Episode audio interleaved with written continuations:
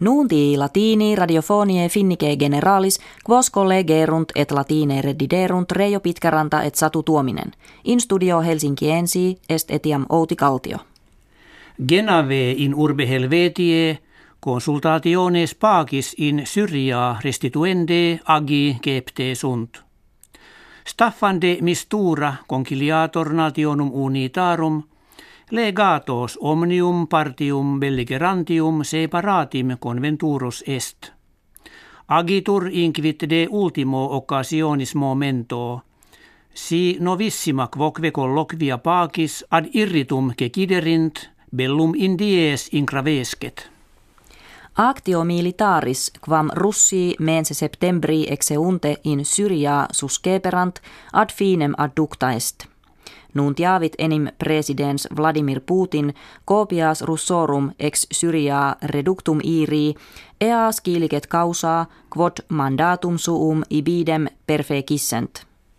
Nekvetamen omnes milites domum redibunt, sed aliquot cohortes stationibus militaribus, quas russi in Syria habent, presidio relinquentur.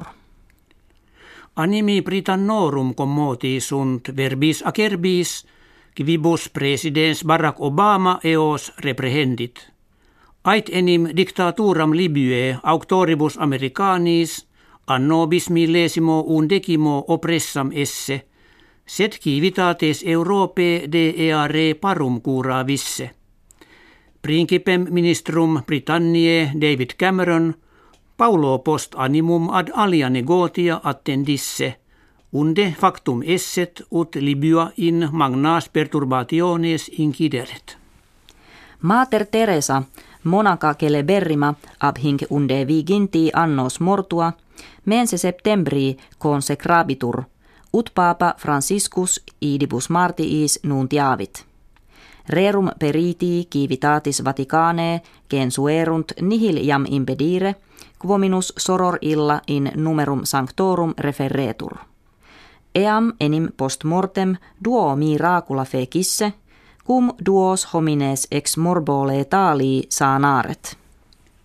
Kirkiter kentum homines ex Finlandia per egre profecti sunt ut in copiis ordinis isis pugnarent. Timo Soini minister a rebus exteris de eare sollicitus monuit – tantam multitudinem pro numero incolarum Finlandiae in maximis in Europa esse. Constat viginti fere ex illis militantibus in pugnis mortuos esse. Ursus Americanus luteolus in silvis civitatum Ludoviciane et Mississippie vivens non jam emori periclitatur – ab hinc viginti quattuor annos tantum centum quinquaginta ursi silvestres invenie bantur, hodie autem plus septingenti. Hoc animal clarum factum est, cum presidens Theodore Roosevelt id frustrave natus, urso vulnerato et ad arborem ligato peperkit. Rige in urbe Lettonie Kertaamina de principatu luctandi europeo posita sunt. In serie feminarum sexaginta kiliogrammatum nomisma aureum consecuta est Petra Olli atleta finlandensis unius et viginti annorum. Superavit enim adversariam Ukrainam Oksana Herhel punctis octo ad duo. Hec habuimus kve vobis hodie referemus. Valete.